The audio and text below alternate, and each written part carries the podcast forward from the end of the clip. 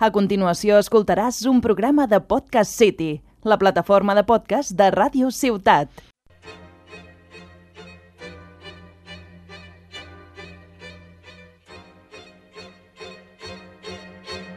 Entrevista a la vista amb Conrad Hortolà. Benvinguts a aquest espai d'entrevistes de ciència i cultura de Ràdio Ciutat de Tarragona, on el rigor no està renyit amb l'humor. Avui tenim amb nosaltres el doctor Bienvenido Martínez Navarro, que és paleontòleg, professor d'investigació i CREA, adscrit a l'Institut Català de Paleocologia Humana i Evolució Social i professor associat a la Universitat Rovira i Virgili. Bona tarda, Bienvenido. Com va tot? Hola, bona tarda, molt bé. Molt bé. Per començar, et demanaria que triessis una peça de música clàssica i ens diguessis què t'ha portat a triar-la. Bueno, he triat eh, l'humor brujo de Falla, perquè això em recorda Granada, em recorda Andalusia. Jo no sóc andalús, sóc eh, d'un poble de la província de Guadalajara que es diu Piqueras, a la comarca de Molina de Aragón, però la meva dona és de Granada i aquesta música em recorda molt a, a Granada. Molt bé. Com va arribar la teva vinculació a l'Institut Català de Paleocologia Humana i Evolució Social? Bueno, doncs l'any 2002 eh, el professor Abdal Carbonell em va venir a buscar a Granada, em va dir que estaria molt interessat en que jo pogués venir a treballar aquí. Llavors hi va haver un concurs de a ICREA, em vaig presentar el 2003 i, i vaig guanyar la plaça. Des de llavors estic vinculat a, aquí a Tarragona, a l'Institut Català de Paleocologia Humana i estic molt content, de veritat, realment molt content d'estar aquí. Així, així m'agrada. Quin ha estat el darrer treball que has publicat?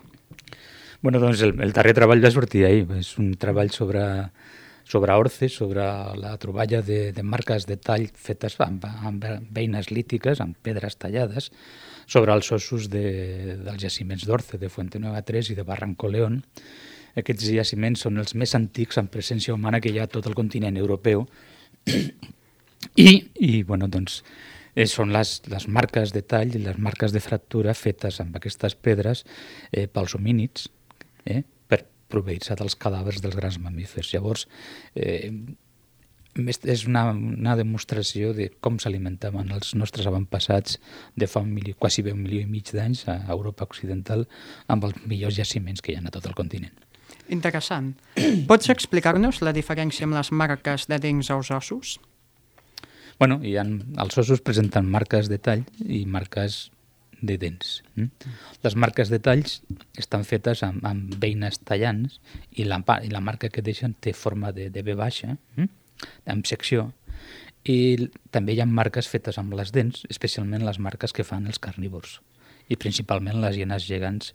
Hi ha una hiena que està present en aquests jaciments del Plestos inferior d'un milió i pico d'anys, que es diu Pachicrocuta brevirostris, que vol dir la hiena de cara, de cara curta, que és molt gran, és una hiena que podia pesar fins a 150 quilos i potser més.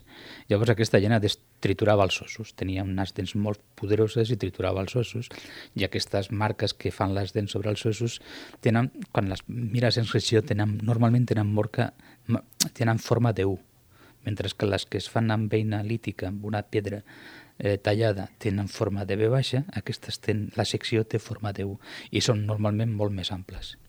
Fantàstic. Quina és la principal dificultat per a publicar en la teva especialitat? L'escassesa de revistes especialitzades? Les despeses de publicació? Bueno, això depèn. Normalment, si vols publicar en una bona revista, el primer que has de fer és un treball de qualitat si la feina no és de qualitat és impossible col·locar-la a bones revistes. Llavors primer s'ha de fer una bona recerca, s'ha de fer un bon manuscrit, preparar un bon manuscrit, i una vegada que està tot fet, la, la recerca i, i, el, i el manuscrit està ben preparat, doncs s'envia amb una bona revista. Llavors, eh, les revistes que fan? L'editor, si li agrada, fa una ullada i si li agrada el, el manuscrit, doncs llavors ho envia a revisors, normalment són dos revisors, de vegades són tres i de vegades són més inclús. No? Llavors els revisors són gent especialitzada que critica el manuscrit i de vegades doncs, fan unes crítiques molt positives i de vegades doncs, no són tan positives. Mm? Llavors, eh, normalment la gent és honesta i fan crítiques positives, crítiques que, que milloren els manuscrits. Una vegada que ja ha estat revisat, tu fas les correccions i a l'editor normalment, si les correccions estan ben fetes, doncs accepta el manuscrit. Llavors tot això té un procés que de vegades és molt llarg.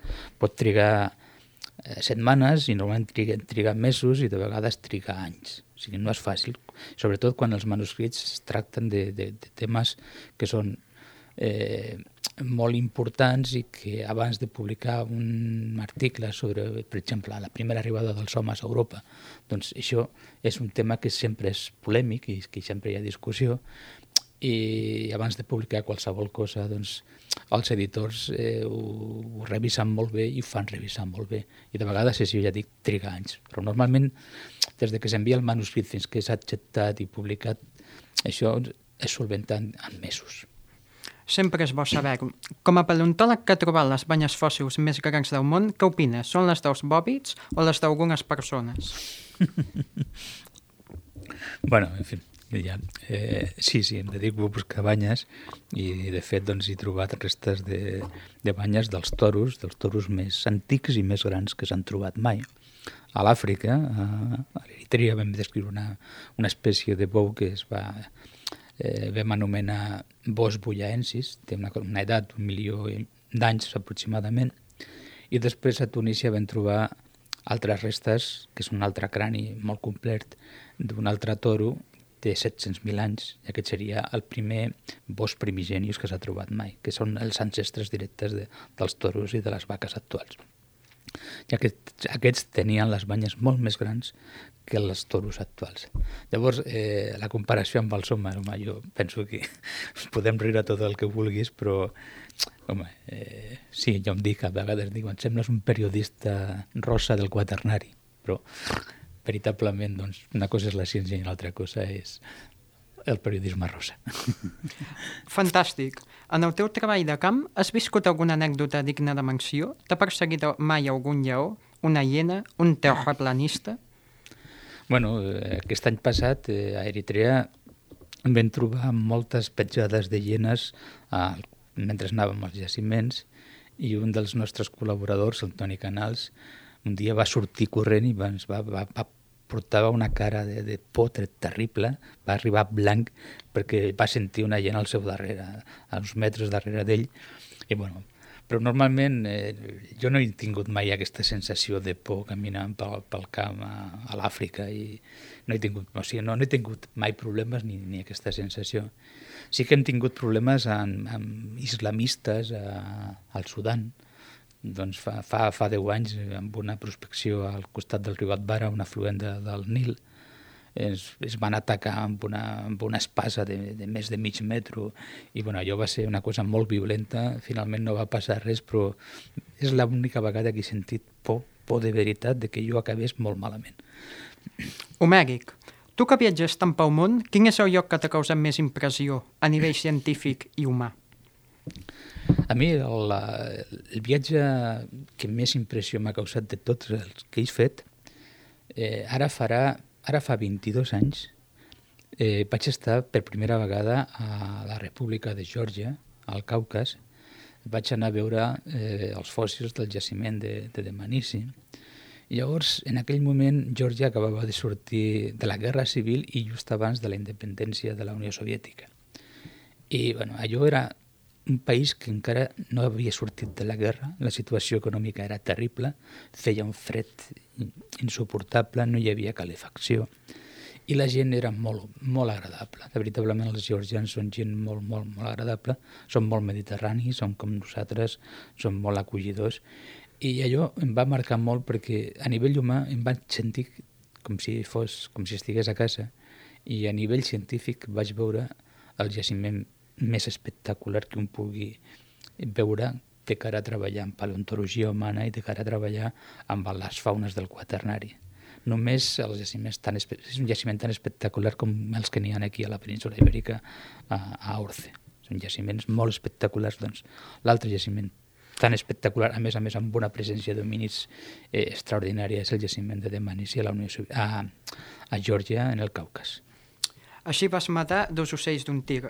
I ja per acabar, et demanaria que triessis una cançó de música moderna i també ens diguessis què t'ha portat a triar-la. bueno, em vas dir que trigués una cançó.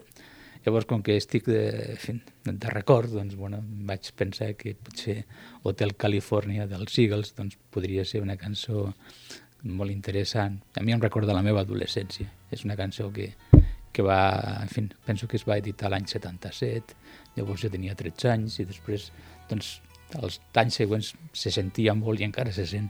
És una cançó molt, molt romàntica i molt agradable. A mi em recorda la meva... quan, jo era jovenet.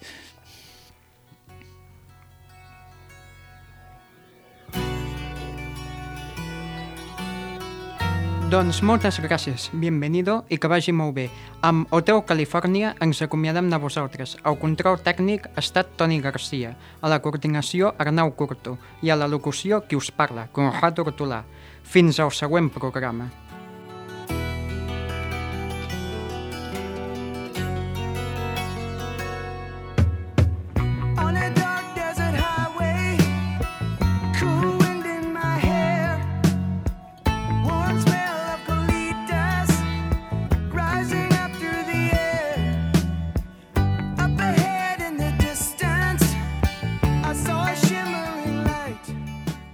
Has escoltat un programa de Podcast City, la plataforma de podcast de Ràdio Ciutat.